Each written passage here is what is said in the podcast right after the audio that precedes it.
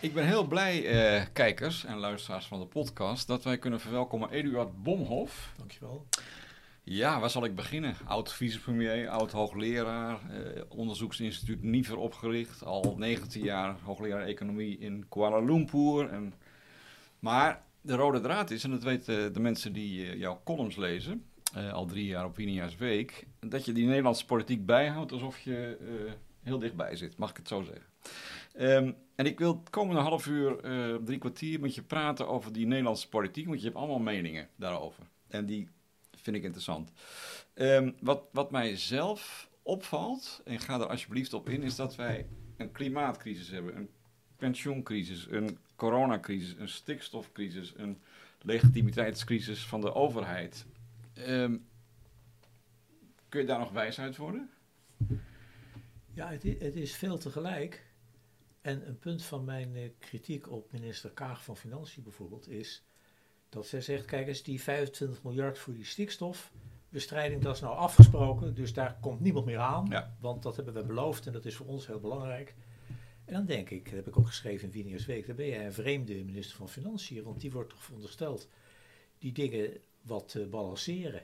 En precies wat je zegt, er zijn er meer eh, dingen aan de hand. Er is een ernstig armoedeprobleem. Ja. Hè? Door de inflatie? Ja, we zullen meer geld moeten uitgeven aan eh, defensie, dat is ook wel eh, duidelijk. Er is een woningbouwprobleem en dan moet je toch een, een evenwicht vinden. En we hebben nu een punt bereikt dat het bestrijden van de stikstof eh, belangrijk is en het bestrijden van de armoede kennelijk niet, of er is dan geen geld voor. Ja, dat is een onevenwichtige. Nou ja, daar gaat 800 mil- eh, ja, maar die, dat euro is, per jaar naar de minima. is, ja, maar dat is, dat is niet serieus. Dan moeten mensen allemaal weer naar het gemeentehuis. Ja. Iedereen probeert uit te leggen dat hij er net onder valt en niet net erbuiten. En er is een hele groep in de, in de, in de zogenaamde middeninkomens die ook al vreselijk last krijgen van die energierekening. En als de herfst en de winter komen en het wordt weer kouder en je energierekening gaat met 300 euro per maand omhoog, dat zijn meer mensen die er last van hebben dan de minima. Maar is de, is de rode draad volgens jou bij al die crises eh, dat er niet gekozen wordt? Dat er geen duidelijk beleid is? Ja, dat, ja, dat op een moment dat het nog wat beter ging met de wereld en die oorlog in Oekraïne nog niet was begonnen, dat men toen roekeloze afspraken heeft, in beton heeft gebeiteld over zowel de CO2 als over die stikstof. En dat we nu op een punt zijn dat je toch heel duidelijk het tegen elkaar moet afwegen en moet zeggen, we gaan ook de mensen helpen die in die armoedeval terechtkomen. En dat met name dus minister Kaag daar heel star in is en zegt, dit is nou helemaal afgesproken en daar wijken we verder niet vanaf. En ik denk dat dat een onhoudbaar standpunt is. En dat CDA en VVD, die natuurlijk helemaal leeglopen door hun kiezers die wegwandelen uit kwaaiigheid over dit alles, dat die gaan zien dat dat niet in hun belang is. Wat niet? Om zo dat, dat de stikstof en de CO2 zo'n prioriteit te geven en te zeggen, daar wordt niet op, op, dat wordt niet aangepast. En al die andere dingen, daar is dan geen geld voor. Ja, ik denk dat dat een onhoudbaar standpunt is. Ja, daar komen we denk ik aan het eind van het gesprek eh, over. Want je hebt ook een duidelijke mening over politieke gevolgen van dit alles. Maar laten we even, even die crisis eh, eh, doorlopen. Corona begint ook weer actueel te worden. Je hebt natuurlijk vanuit Kuala Lumpur gezien, hè, in Maleisië waar je doseert, hoe de regering dat heeft aangepakt. Hebben ze daar iets van geleerd? Nou, de mensen daar, dat is dus Zuidoost-Azië, dat is een heel wat makkelijker volkje dan eh, hier. Dus nu, Die luisteren gewoon naar wat er gezegd wordt. en die hebben nu op straat en in het winkelcentrum allemaal nog mondbescherming. En dat, eh, nou, is, hier is dat niet meer. Ook al is het Wij- eh, wij 40 stapten, wij stapten in bij de, ja, wij stapten in bij de KLM. En boven de stoel was zo'n televisieschermpje. En daar zeiden ze, wilt u wel de hele reis een gezichtsbescherming dragen? En dan komen er allemaal stewardessen langs die dat dus zelf in ieder geval niet doen. Ah, En die dan zeggen, welkom aan boord, heel vrolijk. Ja, dat is een soort dissonantie. En nou, dat, heb ik, dat is daar niet hoor. Het is, dus het zijn makkelijke mensen. Ze praten ook zachter. Dat helpt nou natuurlijk ook toevallig met iets dat hoofdzakelijk door de keel en de neus wordt verspreid. ja. Ze praten veel zachter dan die Nederlanders. Ja, het is natuurlijk geen wonder dat destijds, heel lang geleden, de scheepvaartmaatschappijen en zo, die hadden allemaal obers en entertainers uit Maleisië, Indonesië en de Filipijnen. Want die mensen, dat zijn dus makkelijke, makkelijke mensen in de normale omgang. En ze praten zachtjes. Dus, dus Dat lijkt me heerlijk voor een uh, of een... Nou, daar moeten wij wel weer even aan wennen natuurlijk. Nu we even, nu maar, maar zit dat erachter dat, dat er geen beleid is te maken omdat mensen zich er niet aan houden? Is dat wat je zegt? Ja, dat is natuurlijk hier gebleken en ook in Engeland en andere landen. Wij zijn toch wel een ongeregeld volkje. En in het begin is er denk ik een ernstige ontwerpfout gemaakt. Namelijk dat, dat eh, hoe heet het nou, dat RIVM, die hadden dan een overlegteam en zo. Daar zaten allemaal vertegenwoordigers van belangengroepen in. OMT, hè? Ja, Outbreak ja, Management Team. OMT, precies. Ja. Dus de voorzitter van de bejaardenartsen, de voorzitter van de weet ik wat voor artsen. Allemaal voorzitters van de artsenvereniging. En helemaal niemand die echt veel wist van statistiek, dat hebben ze pas later opgelost. Zodat er toen ook allerlei voorspellingen zijn gedaan die veel beter hadden kunnen wezen. En heel weinig mensen die echt ook verstand hadden. Ik geloof maar één of twee van de, van de bijna twintig die echt verstand hadden van, van hoe zo'n epidemie zich, zich verspreidt. En wat er gevaarlijk is en wat er minder gevaarlijk is. Exponentiële groei, et cetera. Ja. ja. En, en dus geen statistische kennis, geen kennis over hoe, hoe zo'n vlek zichzelf uitbreidt. En allemaal vertegenwoordigers van belangengroepen. En wat we dus weten, is dat toen de verpleeghuizen vreselijk in de knel zijn gekomen, omdat die daar slechter waren vertegenwoordigd dan de ziekenhuizen. Met als gevolg dat er duizenden mensen zijn eh, overleden die misschien toch gered hadden kunnen worden. Nou, sterker nog, er was een bericht dat ze geen beschermingsmiddelen hoeft te, te Ja, krijgen. Nou ja, daardoor dus. Hè? Ja. Ja. zijn er duizenden mensen overleden. En ook personeelsleden trouwens in die, in die sector. Hè, nou goed, dat, dat schandaal is dan wel boven water gekomen. Maar meer in het algemeen hadden er natuurlijk mensen in moeten zitten met echt verstand van de epidemieën en van statistiek. En het waren in plaats van allemaal voorzitters van, van groepen hoofdzakelijk. En dan zijn de artsen altijd weer belangrijker dan de verpleegkundigen. Ja. Dat is ook, ook zo naar. Nee, niet goed, niet, eh, niet goed. Ja. Maar het is nu eh, zomer en er begint weer een beetje een piekje te komen. Maar het is natuurlijk heel moeilijk om mensen preventief voor te bereiden op iets wat niet plaatsvindt. Hè? Ja. Ik zie het aan mezelf. Ik krijg een paar maanden geleden een brief van de ben je boven de 60, wil je zo'n booster? Ja, ik denk laat maar zitten. En dan probeer ik het. En dan moet ik geloof ik naar Woerden of naar IJsselstein over een maand en niet om de hoek. Nou, dan denk je al laat maar zitten. Dus de overheid kan het blijkbaar ook niet goed organiseren. Nu gaat de minister zeggen, gisteren in de Tweede Kamer, ik ga weer al die 60-plus een brief sturen. Maar ja, maakt dat indruk is de vraag. Hè? Dat is, Maar er zijn, ja, dus we zijn een, een ongeregeld eh, volkje. Er zitten ook hele charmante kanten aan, maar goed. Maar de, de daadkracht, als dat het goede woord is, van die regering, dat valt er toch ook. Je kijkt er natuurlijk van afstand naar. Je hebt als buitenstaander altijd makkelijk praten, dat weet ik wel. hmm. Maar bijvoorbeeld ventilatie op scholen, dat Ja. was algemeen erkend als een heel belangrijk ding. En dan blijkt dat, daar heb je een hele zwakke minister in het vorige kabinet, minister Slop. En die zegt, nee, dat gaan we aanpakken, dat, gaat, eh, dat gaan we doen. Maar dan belooft het Rijk dat ze, weet ik het, de helft betalen. En dan moeten de gemeentes maar de andere helft betalen. De gemeentes denken, als we nog even wachten, betaalt het Rijk misschien alles. En dan gebeurde dus een half jaar helemaal niks. Ja, en het was nog Ja. erger, omdat Maurice de Hond het zei, luisterde niemand. Die had achteraf gelijk. Dus het is ook nog een beetje de afzender die het vertelt, hè? of die in het circuit zit of niet. Maar goed, dat... dat, Nee, dat maar dus die ventilatie in de scholen, dat is een voorbeeld van iets wat, wat betrekkelijk makkelijk zich laat Ja. organiseren. Dat, bedoel, dat doe je dan gewoon. Hè? Je koopt die ventilatoren en je houdt ze op in het raam. En dat krijgen ze dan een half jaar lang niet voor elkaar. Nee, klopt. Nee, en, en, ja, en die scholen sluiten, dat is toch is heel erg voor de ontwikkeling van die eh, kinderen. Nou, die jonge staan nu achteraan in de rij, hè, het nieuwe beleid. Dat is het allerlaatste, of dat gebeurt niet meer, geloof ik. Ik kan er, kan er iets, grap- of grappig, iets, iets treffends over vertellen uit, bij ons in Kuala Lumpur. Goed, die universiteitsstudenten zijn natuurlijk ouder dan schoolkinderen. Maar ik ging naar de eerste diploma-uitreiking in drie jaar. En dan de afloop heeft iedereen zijn diploma, allemaal blij en zo, bosje bloemen. En dan stonden de studenten met hun ouders en hun broers en zusters. Drie jaar geleden stonden een groep van studenten van zeg maar 10, 12 studenten, die stonden allemaal te springen, te dansen, elkaar te omhelzen en zo. Mhm. En die ouders die moesten wachten tot ze daar klaar waren. Ja. Dus je ziet dat er zoveel heeft ontbroken aan de sociale interactie tussen die studenten onderling, dat de mensen die ze nu nog goed kennen, dat zijn hun ouders en hun broers en zusters, Ja. dus allemaal van die kleine kluitjes. Terwijl destijds waren het natuurlijk vriendengroepen die drie jaar lang allemaal dezelfde colleges hadden gevolgd.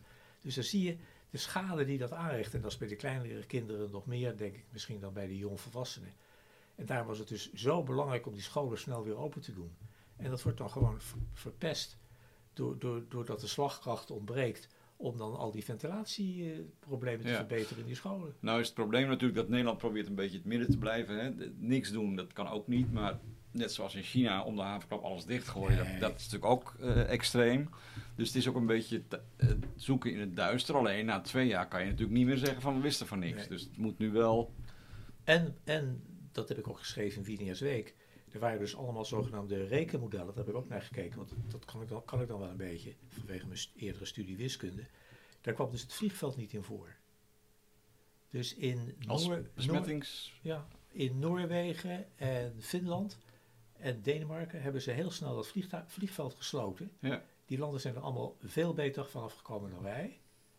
En hier in Nederland, dat Schiphol bleef open. Er werd ook nooit serieu- serieus getest. De mensen liepen hup zo door de douane. Ik heb wel gelezen van buitenlanders die zeiden, we weten niet wat er overkomt. Er is niemand die geïnteresseerd is in. En wat ik vond is dat ze al die hotels bij Schiphol, die stonden toch allemaal leeg. Die hadden ze moeten vragen om mensen in quarantaine te huisvesten. En iedereen testen die het land in wil. En heel groot drie deel, dagen gedaan, geloof ik. Ja. nou, Ja. heel groot deel van die besmetting is natuurlijk binnen. Hoe kan het anders binnenkomen trouwens? Hè? Is binnengekomen natuurlijk via het vliegveld. Nooit iets aan gedaan. Ja, dat zijn echt verwijtbare fouten. Dat je zo'n ziekte van tevoren niet helemaal kan inschatten, dat begrijp ik heel goed. En dat, die- dat moet allemaal, hè, er is tijd voor nodig en zo, wat je ook zegt. Maar ze hadden dat vliegveld hadden ze kunnen sluiten, dat hadden ze kunnen leren van drie andere landen. Waar meteen vanaf het begin het aantal slachtoffers veel lager was dan hier in Nederland. En, die, en dus die scholen, dat zijn er maar twee voorbeelden van dingen die, die vind ik echt helaas eh, verwijtbaar zijn. Maar je hebt weinig vertrouwen in het beleid wat komt nog? Of... Weet ik, weet ik niet. Dat, eh, Nee, ja, dat is nog, het is nog een beetje onduidelijk. Nee. Oké, laten, we, laten we doorgaan met eh, het pensioenbeleid. Ik zag gisteren, we nemen dit eind juni op dit gesprek, een uitzending van Zwarte Zwanen. Dat is van de Max. Kees Grimberg, die weet alles van pensioenen. Het is, het is natuurlijk bijna niet uit te leggen. En die zei, er is een soort opstand onder eh, ouderen, nu pas, want die worden al 14 jaar niet geïndexeerd, hè, sinds 2008. Die hebben geloof ik 30% aan koopkracht ja, ja, verloren. zoiets, ja. En sterker nog, alles wat je nu opbouwt, wat ik werk nog, wat ik nu opbouw, wordt door de inflatie helemaal vernietigd. Dus je, je houdt niks over. Sterker nog, de hele belofte dat je 70% van je salaris zou krijgen, is inmiddels 49, geloof ik. Dus aan alle kanten worden die pensioenmensen eh, gepakt. En het erge was dat de minister die erover ging, Koolmees, het ook niet kon uitleggen. Want ik begreep nog niet waarom pensioenen met 7% rendement en dat is dat verhaal. En wij krijgen er niks bij. Ehm, nou komt er een nieuwe pensioenwet binnenkort. Misschien, misschien, laten we hopen van niet. Nou, die is al aardig ver. Nou, Nee? nou, alle ouderenbonden zijn er tegen. Ja. Dat is natuurlijk een heel slecht teken. Verschillende van die ouderenbonden worden gesubsidieerd door het ministerie van Sociale Zaken en toch zijn ze er tegen. Oh. hm. Maar die, die, zeg je dan, die oude wet was zo slecht nog niet? Die was veel beter dan die nieuwe wet. Ja. Ja. Want die nieuwe wet krijgen we allemaal een eigen potje, geloof ik. En het risico wordt hoger. Ja, dat potje is ook niet Nee, echt nee. zo, hè? Nee. De, professor Bommel zal het graag uitleggen. Daar ben ik een professor in die dingen. Dus dat, Ja, maar er wordt steeds gezegd, en daarom was D66 Ja. ook zo vol. Je krijgt een eigen pensioenpotje, je kan veel beter zelf juist- bepalen. Dat is, dat is juist helemaal verkeerd. Ja. Het, het gaat dan steeds meer lijken op wat heet een annuïteit. Dat wil zeggen, je stort een port geld, dat kan nu bij een verzekeringsmaatschappij. En die beleggen dat dan alleen maar in staatsschuld. Want dan kunnen ze je een zeker nominaal bedrag beloven. Ze kunnen niet beloven hoe de, hoe de euro ervoor staat over 30 jaar. De euro is misschien dan net zoiets als een Indonesische roepia, maar misschien ook niet. Dat kunnen ze niet beloven, maar ze kunnen het nominaal beloven omdat ze ook zo beleggen. Ze beleggen dus in Veilig. staatsschuld en dat geld krijg je zeker terug. Ja. Hoewel je dus niet weet hoeveel het dan tegen die tijd waard is. Dat is op een langere termijn zoveel inferieur aan beleggen in aandelen. Ja, dit, nu zijn de afgelopen maanden is de beurs weer eens omlaag gegaan, maar dat is ook de eerste keer in, in, in, sinds 2014 geloof ik. Dat is zoveel slechter dan beleggen in aandelen. Daar worden die pensioenen dus echt heel veel slechter van. Niet, niet een klein beetje, maar dus heel veel. Waar komt dat vandaan? Dat komt van de Nederlandse bank. De Nederlandse bank die hebben een juriste, hebben ze de leiding gegeven over het toezicht op die pensioenen. En die heeft dus voor een route gekozen waardoor de Nederlandse bank in ieder geval nooit meer ergens de schuld van kan krijgen. En dat heeft ze gedefinieerd door die pensioenfondsen te duwen weg uit aandelen, waarvan je natuurlijk nooit weet of ze volgende week net zoveel waard Ja. zijn als nu of meer of minder. En allemaal in staatsschuld, maar helaas zonder de deskundigheid van de lange termijn. En dat is dus, een, vind ik, een, een, een tragische vergissing. Wat ik hoor van, ik heb door mijn artikel in Wieners Week over dit onderwerp heel veel brieven gekregen van mensen uit dat wereldje. En die zeggen het is zo erg dat zij en andere juristen bij de Nederlandse Bank zelfs niet eens meer luisteren naar, naar de economen in eigen huis. En ook niet naar de beleggers bij de pensioenfondsen. En ze heeft dus gekozen voor iets waardoor naarmate je dichter bij pensioen komt, het steeds meer gaat lijken op een annuïteit. Dat wil dus zeggen alleen nog maar staatsschuld. En dat levert dus zoveel minder op dat jouw pensioen al iets lager wordt dan het anders zou zijn geweest. En de pensioenen van de mensen, als die wet wordt aangenomen, echt heel veel lager dan onder het oude systeem. Kijk, het oude systeem had, had één probleem. En dat is dat er zat een soort ingewikkelde subsidiëring in van de mensen met een horizontaal profiel in hun salaris over, de, over hun werkzaam leven, met de mensen met een stijgend profiel. Dus zal maar zeggen, je neemt iemand die werkt in een kinderdagverblijf of in de verpleging, die maakt niet veel promotie. Je kan niet allemaal daar directeur en bovendirecteur worden. En die betaalt pensioenpremie. En andere mensen die maken een keer, die worden afdelingschef en dan hoofd en dan directeur en dan directeur-generaal. En die kregen vroeger een pensioen dat afhing van hun laatste salaris. Ja, dat was gigantisch. Nou, daar, zat dus die, daar zat dus een subsidiëring in, die is, maar die is er al uitgehaald. Ja. Dat, dus dat is al niet meer.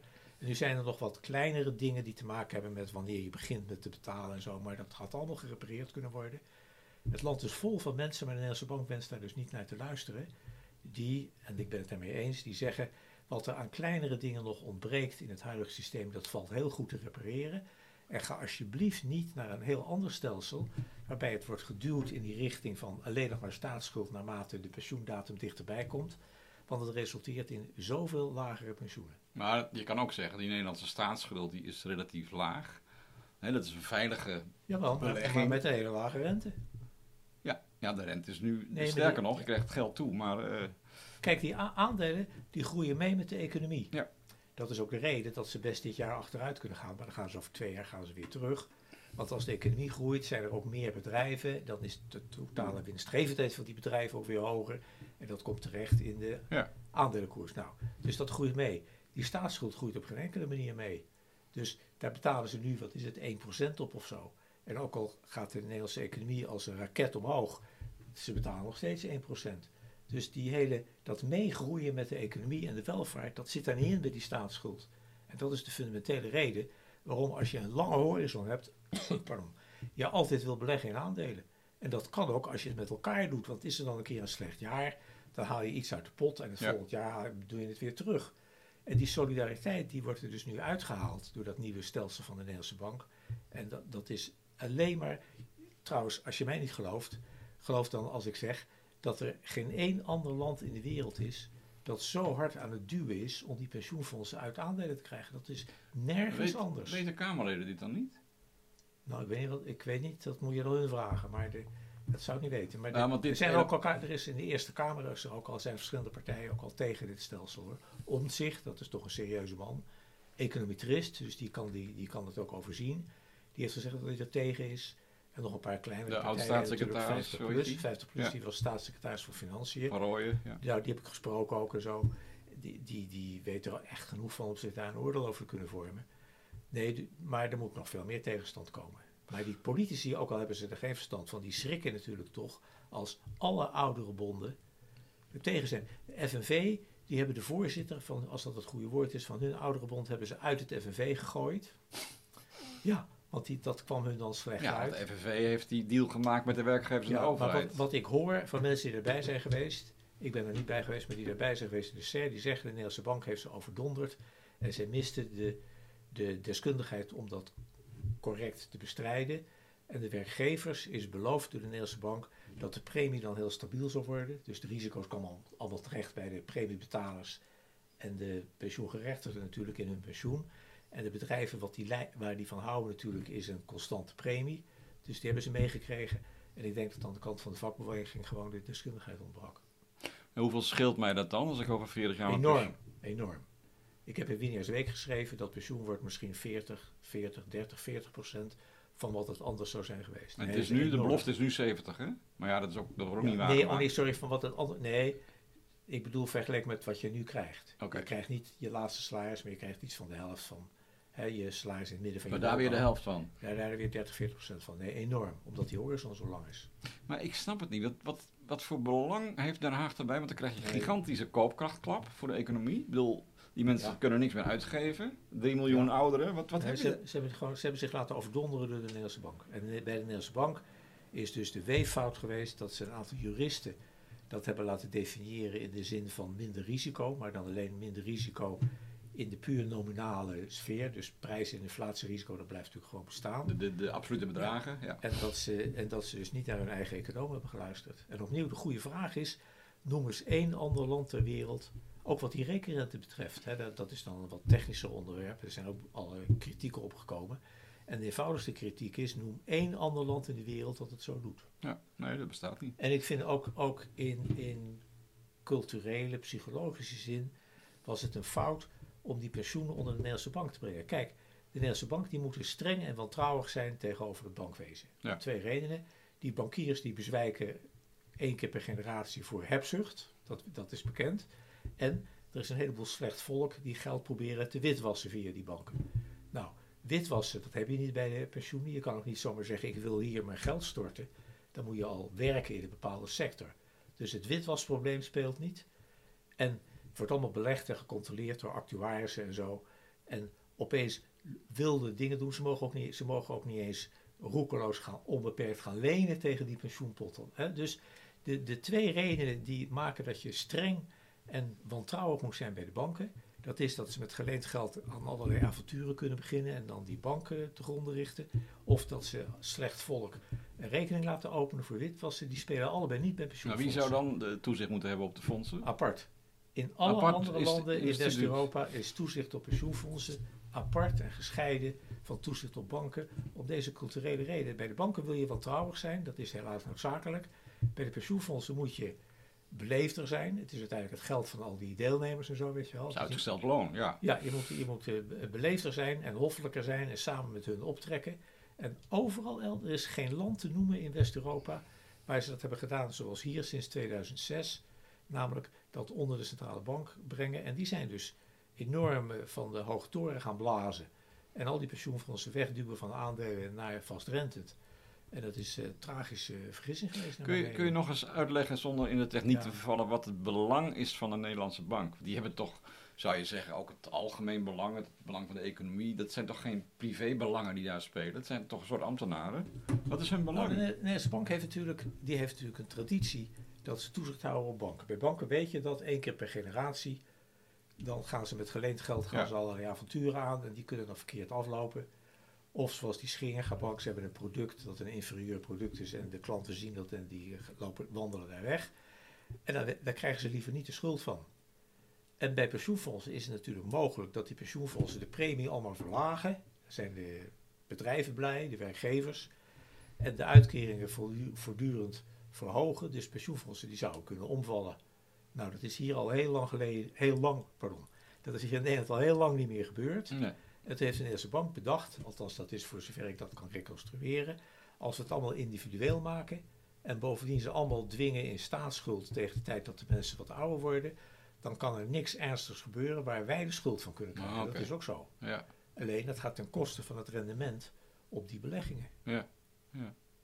Oké. eh, Nou, niet oké. nee, maar ik, ik, ik, mag ik concluderen dat je een, een soort pensioenramp voorspelt als dit doorgaat? Op de lange termijn? Ja, Voor- daar, krijgen we, daar gaan we eh, spijt van krijgen. Maar ik heb nog goede hoop dat die wet niet door elkaar komt. Zullen we zien. Ehm, laten we even praten over eh, het klimaat, de stikstof. Is het goed om dat in één blok Ja, te doen? ja. Want dat zijn twee grote Ja, fondsen, hè? Alle 30 en 25 miljard geloof ik. Ehm, er zijn ook mensen die zeggen, hoe kan je dat in een fonds stoppen? Want je weet, je, hebt, ja, je gaat dingen zoeken bij geld. Hè? Komt dit geld wel goed terecht? Ja, dat Pieter Omzicht heeft heel goed dat punt gemaakt. Die heeft gezegd, wij moeten een begroting goedkeuren waarin staat wat jullie van plan zijn met het geld te gaan doen. En dan kunnen wij die begroting bekijken Ja. en goedkeuren. En dan pas ga je het uitgeven. En we moeten niet een fonds hebben. Er zijn nou ook eindeloze moeilijkheden met dat, met dat fonds van de EU dat dan probeert landen te helpen vanwege corona. Ja. Dat dat verdwijnt. Dat niemand weet waar het aan wordt besteed. En dat, nou, dus Omzicht zegt, dat gaan we niet achteraf beoordelen en misschien afkeuren. Jullie gaan van tevoren een begroting indienen waar dat allemaal in staat. En als je later nog een beter idee krijgt, dan dien je maar een supplementaire begroting in. En dat moet door de Tweede Kamer. En dan pas is dat geld klaar om te worden uitgegeven. Dus die heeft dat punt heel goed gemaakt. Die bedragen. En hoe heet die? Ehm, kom, die in de Telegraaf schrijft. Professor. Professor, hoe heet hij nou? Kom. Plasterk. Oh, Ronald Ja, Plasterk. Ja. Die heeft gezegd, joh, als ze voor de stikstof 45 miljoen ter beschikking hadden gesteld, in plaats van vij- 4, 45 miljard, had iedereen ook goed gevonden, hadden ze gezegd, daar doen we wat aan. En dat had dan wel een heleboel geld gespaard. En dat is ook zo, die Kamerleden missen de deskundigheid. Dat bedrag is gereserveerd zonder dat iemand wist waar we dat precies aan zouden gaan uitgeven. En het is onzin van het begin tot het eind. Is, het al, is het al goedgekeurd of is het zo buiten de begroting Nou, geplaatst? nee, dat, dat, dat, fonds is opgericht in de, dacht ik, in het, in het regeerakkoord. Ja. Maar er is nooit een concrete begroting ingediend. En Omtzigt zegt dus terecht, eerst de begroting met posten die wij kunnen beoordelen en goedkeuren of afkeuren. En dan pas uitgeven, maar daar houden ze zich niet aan. En er wordt op dat hele gebied wordt natuurlijk veel halve of kwart waarheden verkocht. Dan zeggen ze, de windmolens die zijn nu zo voordelig, die kunnen heel makkelijk concurreren met al het andere. Dan denk je, nou dat is nou heel mooi. Gaan we de Noordzee volzetten met windmolens. Daar wordt dan niet bij verteld dat er hele dure kabels moeten worden aangelegd op de bodem van de Noordzee om al die elektriciteit naar het vasteland te brengen. Die kabels, daar gaan een paar miljard in en dat is dan weer subsidie. Oké. En zo is het dus de hele tijd. Dan zeggen ze, nu hebben we ook eh, zonnepanelen, die werken zo goed. Dat is ook heel concurrerend en die kunnen wel zoveel procent van de nationale energiebehoefte. Dat geldt dan als de zon 24 uur per dag schijnt. Dus ze nemen het maximum, de maximum, hoe heet dat? Dat is een onmogelijkheid, maar... wat er dan uitkomt. En doen ze net alsof de zon 24 uur schijnt per dag voor 365 dagen. Dus dat is vermenigvuldigen ze allemaal door. Dus worden, dat vind ik ook heel ergelijk. Het is niet erg eerlijk allemaal. Nee. En, en als je nou kijkt naar dat stikstoffonds, dat is geloof ik 25 miljard. Daar is nu een kaart verschenen waar iedereen van achterover slaat. Eh, ik geloof dat ter Schelling, waar, Ja, ja, ja, waar geen veeteelt plaatsvindt, 95 Ja. Maar ehm, ja, hoe, hoe, kan je dat zo onhandig aanpakken, vraag je je af. Hè? Want, eh, Ze ja. hebben ooit iets beloofd, alweer 15 jaar geleden. En dan, ik heb in Winia's Week geschreven, jullie moeten twee ministers naar Brussel sturen. En die moeten zeggen, sorry, sorry, sorry, we hebben ons vergist. Mogen we een nieuwe kaart maken? En mogen we al die normen, die normen die berusten trouwens op niks. Dat zijn allemaal theoretische berekeningen en er wordt niks gemeten. Nee, wacht even, je bedoelt dat die Natura stikstof. 2000 gebieden Ja, terug moeten worden gedrongen, toch? Of? Ja, ze moeten twee dingen doen. Ze moeten, nou, ze moeten dus naar Brussel gaan, twee ministers. Dan als er één flauw valt, dan blijft er nog eentje over. En die moeten zeggen, sorry, sorry, sorry, we hebben ons vreselijk vergist. Mogen we alsjeblieft die kaart veranderen? En ook de normen. Die normen zijn helemaal theoretisch. Die berusten dus niet op hoeveel stikstof je zou kunnen ruiken of weet ik wat. Maar die berusten op theoretische berekeningen die niet zijn geëikt met praktische cijfers. Enfin, dat heeft ook al wel heel goed in Winia's Week gestaan. Dat moet zo worden veranderd. En je ziet dat omdat in Duitsland, waar toch allerlei landschappen ook wel lijken op die van ons, daar hoeven ze, hebben ze helemaal nul op de begroting staan. Daar hoeven ze niks aan te doen. Ja, maar daar, daar liggen de natuurgebieden veel verder van de weidegebieden, toch? Of bij ons zijn het allemaal postregels die Ja, aan elkaar goed, geplakt zijn. Het is een klein land. Maar net over de grens in Duitsland, Ja. daar wordt dus wat meer stikstof geproduceerd dan hier bij ons in Overijssel en Gelderland. En niemand zit daarmee in Duitsland. En dat waait dan over de grens. Heb je gehoord van, dat had, ik geloof ook omzicht gedaan. Ze hadden een perceel gevonden ergens in Twente, vlak bij de grens. En daar had op de landkaart gestaan dat de uitstoot van stikstof moet met 70% naar beneden. Maar bijna alles wat daar naar binnen waait, komt uit Duitsland. Ja, ja. Dus zelfs als je alles wat leeft en groeit en bloeit daar verwijdert, dan nog steeds voldoet het niet aan die norm. Dus dat laat ook zien, dat is een mooi voorbeeld, dat dit echt helemaal dolgedraaid is. En daar moeten we vanaf, nou wat ik zei, we moeten, we moeten armoede bestrijden. Dat heeft nou even een beetje meer haast dan stikstof bestrijden. En die stikstof sowieso is al 60% minder, geloof ik, dan een generatie terug. En sommige planten vinden dat heerlijk en andere planten hebben het daar een beetje moeilijk mee. Maar daar komen we wel uit. Dat heeft een idiote prioriteit gekregen bij D66 en die staat nou helaas in het regeerakkoord. Maar je zegt nu in een bijzin iets interessants, wat ik ook al hoorde, dat 60% van de doelstelling al gereduceerd is. Waarom zit het dan niet in dat Ja, kaartje? hebben want... weer een nee, daarna hebben ze weer een nieuwe doelstelling gemaakt Oh. die nog weer veel strenger is. Oké, ja. Ja. Maar goed. Ehm, je, je zegt steeds van maar goed, maar al die dingen zijn helemaal niet goed. nou, ik probeer een ander onderwerp aan te snijden. Ja, maar goed, nee, ik, dat ik zal... Ja. eh, ja, ik, ik zal... eh, nee, het is niet goed, dat klopt. Ehm, Trouwens, als wij nu dat merken omdat we uit Maleisië komen, je komt hier in de horeca, je bestelt je koffie en dan zeggen ze helemaal goed. Dat is de Oh ja, ja, dat is ook een eh, mooie... En ik heb dus zo'n zin om te zeggen, mogen wij anderhalve koffie? Om te kijken of ze dan ook Ja. zeggen helemaal goed. ja, of dat ja. ze zeggen half goed. Ja, je moet de taalontwikkeling goed bijhouden als je in het buitenland woont. Eh, eh, hoe gaat het nou verder met het politieke landschap? eh, met al deze crisis. En dan hebben we nog niet eens over Oekraïne gehad. Hoewel dat een beetje wegzakt in het eh, politieke bewustzijn, lijkt het. Eh, voorspel je dit kabinet een lang leven? Of? Nou, kijkers en luisteraars hebben natuurlijk alle recht te zeggen... waarom zouden we naar hem luisteren over dit onderwerp? Want Nou hij heeft het zelf drie maanden gedaan. En toen In is alweer- 2002, ja. Ja, het is het alweer in elkaar gezakt. Dus, dus wie ben ik om, om daar een grote deskundige uit te hangen? Het is altijd misschien meer wat je hoopt dan wat je, wat je weet. Ik weet het ook niet. Wat ik denk is dat VVD en CDA nu al die gedeputeerden in, in, in alle provincies buiten de Randstad beginnen grote bezwaren te maken tegen nu dat stikstofbeleid. En daar moet de CDA het natuurlijk toch van hebben. Die, in Amsterdam krijgen wij, waar wij hier nu gezellig zitten te praten, dan krijgen ze 3% het CDA. Dus daar komt het niet vandaan. Hun aanhang zit in Gelderland en Ja. Overijssel en Ja. zo in Brabant. Nou, dat die gaan daar afstand van nemen. En, die zullen, en als het dus doorgaat met geen geld voor de armoede en al het geld voor het bestrijden van de stikstof, dan wordt het heel verleidelijk, lijkt mij, voor CDA en VVD om D66 overboord te zetten.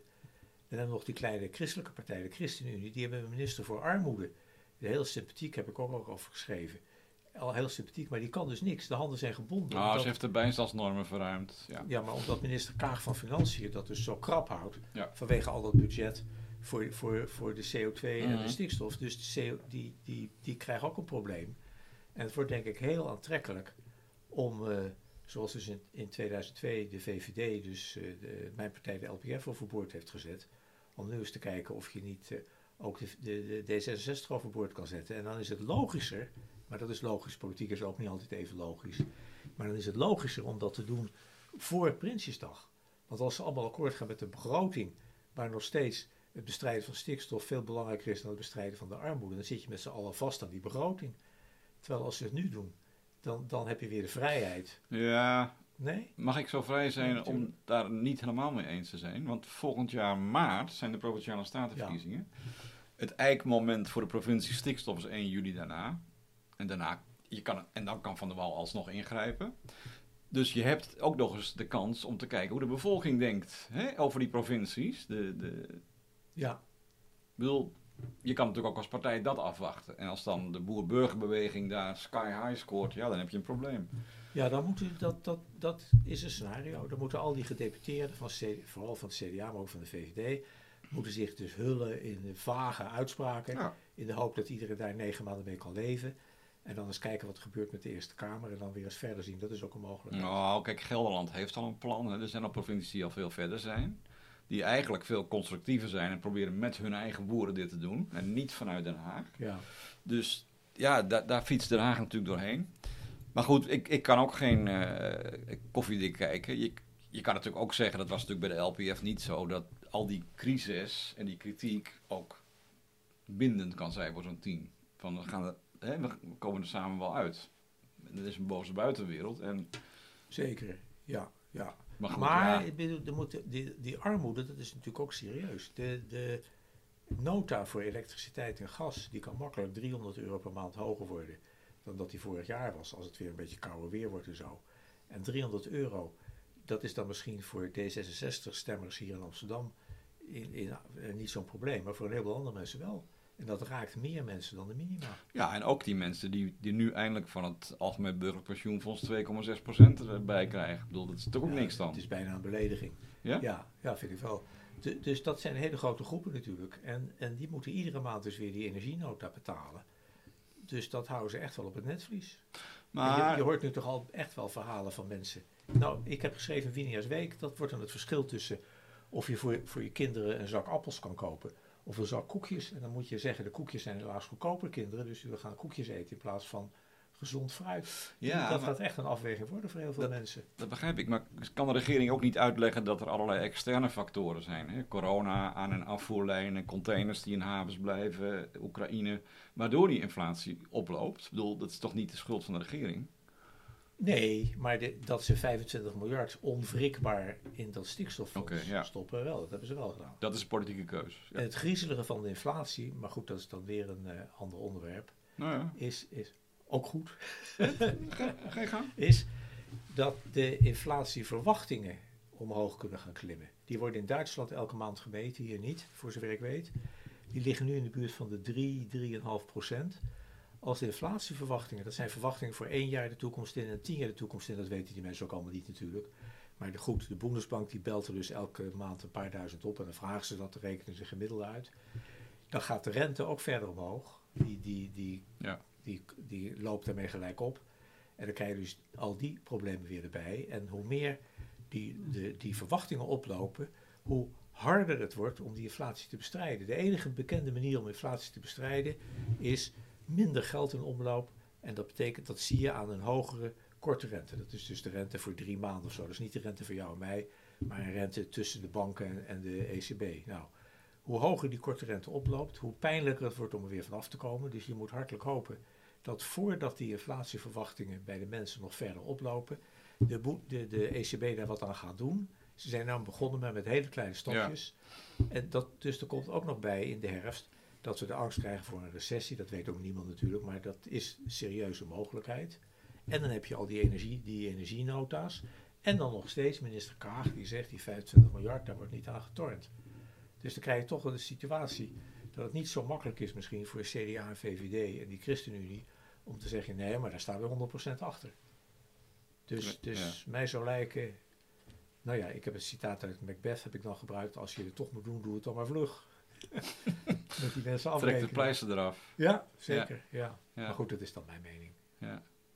Heet stagflatie, geloof ik, toch? Als inflatie plus Ja, eh, ja. krimp. Ja. Ja. Nou, zover zijn we nog niet, maar de, het, het gaat niet de goede kant op. Hebben, hebben we dat al eerder meegemaakt in, in het westen? Ja, jaren 70. Oh ja. Jaren Oh, ja, het 70. was de rente ook 13 procent of Toen zo. hadden, we, ja. toen hadden we, dat is dan ook interessant als je erop terugkijkt. Wij zijn misschien, ik ben in ieder geval oud genoeg ja, ja, ik weet het nog een beetje, ja.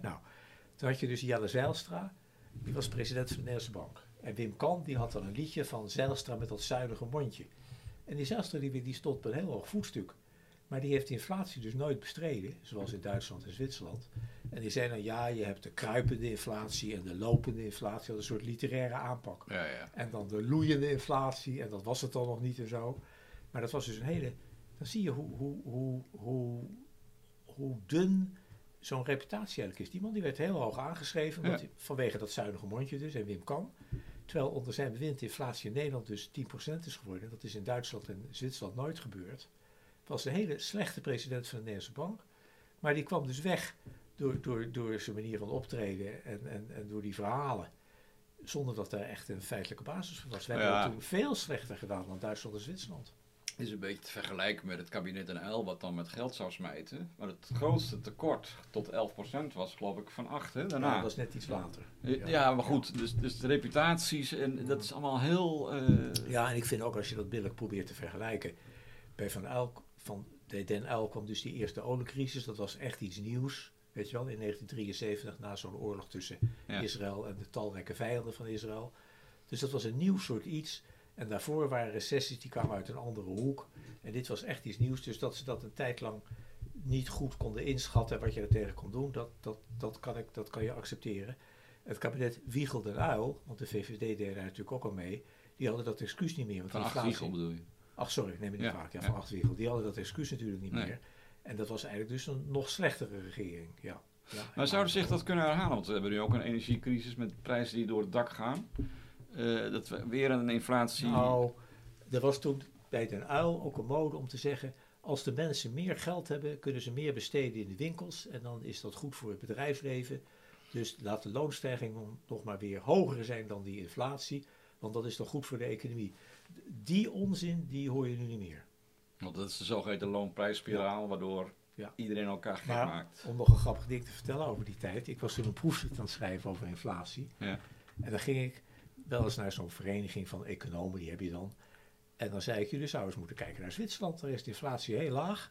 En de werkloosheid is ook heel laag. Dus dat kan eigenlijk heel goed. Ja. En dan zei ze, ik overdrijf niet, dan zei ze, wij willen niks horen over Zwitserland. Dat is een heel slecht land.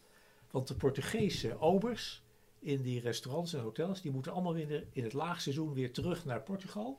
En die mogen niet hun gezinsleden naar Zwitserland brengen. Dat is heel slecht. Ja, ja. Dat was de tijd dat wij begonnen met de Marokkaanse gastarbeiders Ja, ja. hier. Ja. Ik denk dat als je nu zou vragen hoe hebben die Zwitsers dat toen bekeken, dat de mensen zouden zeggen, dan hebben ze goed bekeken. Maar Hè? Die even, dingen, die dingen die zijn dan die, vanuit het perspectief van vandaag zou je daar nu heel anders tegenaan kijken. Ja, maar even, want eh, Ja. je bent gewend om dingen simpel te zeggen, tot slot van dit gesprek. Om nou te voorkomen dat we straks in een recessie met gigantische inflatie komen. Wat, wat is dan in een paar zinnen het recept wat zou kunnen werken, volgens jou? ECB veel sneller de rente verhogen. Dat helpt ook voor de wisselkoers van de euro. De euro is nu de laatste weken weer niet, maar geloof ik daarvoor nogal gezakt. En dat betekent dat alle grondstoffen en, en, en zo, die worden ook allemaal dan weer duurder. Heel snel de rente verhogen. Want hoe eerder je het nu hard aanpakt, hoe beter de kans dat we er snel vanaf komen. Omdat als het allemaal neerslaat in inflatieverwachtingen, dan moeten ze die rente nog veel verder Ja, opvoeren, tot ja, 6% of zo, om dat een halt toe te roepen. Dus snel optreden en een serieus armoedebeleid in Nederland. Waarbij ik dus heb gepleit in de Wienersweek voor mensen allemaal een korting geven op hun energierekening. Dat lijkt me de simpelste manier. om Niet te via de pomp. Nee, Nee. je- je kan ook makkelijker met 30 energiebedrijven een afspraak maken. Die hebben toch allemaal computersystemen waarmee ze ons geld eh, het, eh, Ja. innemen voor de maandelijkse rekening. Dan dat je al miljoenen mensen weer naar het gemeentehuis stuurt om uit te leggen hoe arm ze zijn en zo. Of het over te laten. Dus dat is een makkelijke manier, dat is duur, maar dat is een makkelijke manier om snel te helpen. Dat we goed die winter doorkomen. En hopen dat die vreselijke oorlog dus tot een einde komt. En volgend jaar we weer wat redelijker energieprijzen hebben. Maar uitstel van de inflatiebestrijding heeft dus het grote risico dat het neerslaat in de verwachtingen van inflatie. En dan wordt het veel moeilijker om het later te doen. Zo Een kijk ik self-fulfilling er althans prophecy. eh, Ja. Ja. ja. Oké, eh, ik, ik vond het interessant. En ik heb nog één vraag. Eh, hoe lang eh, blijf je nog in Kuala Lumpur? Nou, wij, wij laten ons contract aflopen in eind januari. En dan komen we hier dus weer terug in de kou. En dan kan je misschien nog beter vertellen hoe het moet in de politiek, toch? Nou, zo eigenwijs ben ik, zo eigenwijs ben ik nou. Nee. Maar ik word natuurlijk door, door Siep wel aangemoedigd om eigenwijs te zijn, want al zijn andere auteurs zijn dat ook. Ja. Hè? Dus eh, Oké, maar dan kunnen we je dus iets vaker uitnodigen dan nog, toch? ja, en het, Ik- heeft, het heeft gelukkig voor mij en mijn vrouw heel goed uitgewerkt daar in Kuala Lumpur. Als je voor mijn immigratie had gezegd, waar ligt het nou precies? Dan had ik geweten dat het ligt ergens bij Singapore en Bangkok, maar hoe zit het precies? Dat heb ik ook niet geweten. Maar vind ik beter, als ik dat nog even mag vertellen misschien. Ik, wij kenden in die tijd dat die regering viel, kenden we Bram Peper ook. En Bram Peper was natuurlijk ook een tijdje minister geweest. En die was elke week voor de televisie en die zei, de regering moet dit doen en de regering moet dat doen. Hij bedoelde, de regering moet naar mij luisteren. Maar de mensen zitten dan thuis en die zien die man dan voor de televisie. En die, die onthouden heus niet wat hij zegt. Want hij zegt iedere week, zegt, komt hij weer. Maar ze zeggen tegen elkaar van, joh, hij wil weer minister worden. Dus ik vind het chiquer om dan gewoon je mond dicht te doen en het, het net aan de andere kant van de boot uit te gooien, zoals in het Nieuwe Testament staat. Dat advies hadden we toen ook gekregen.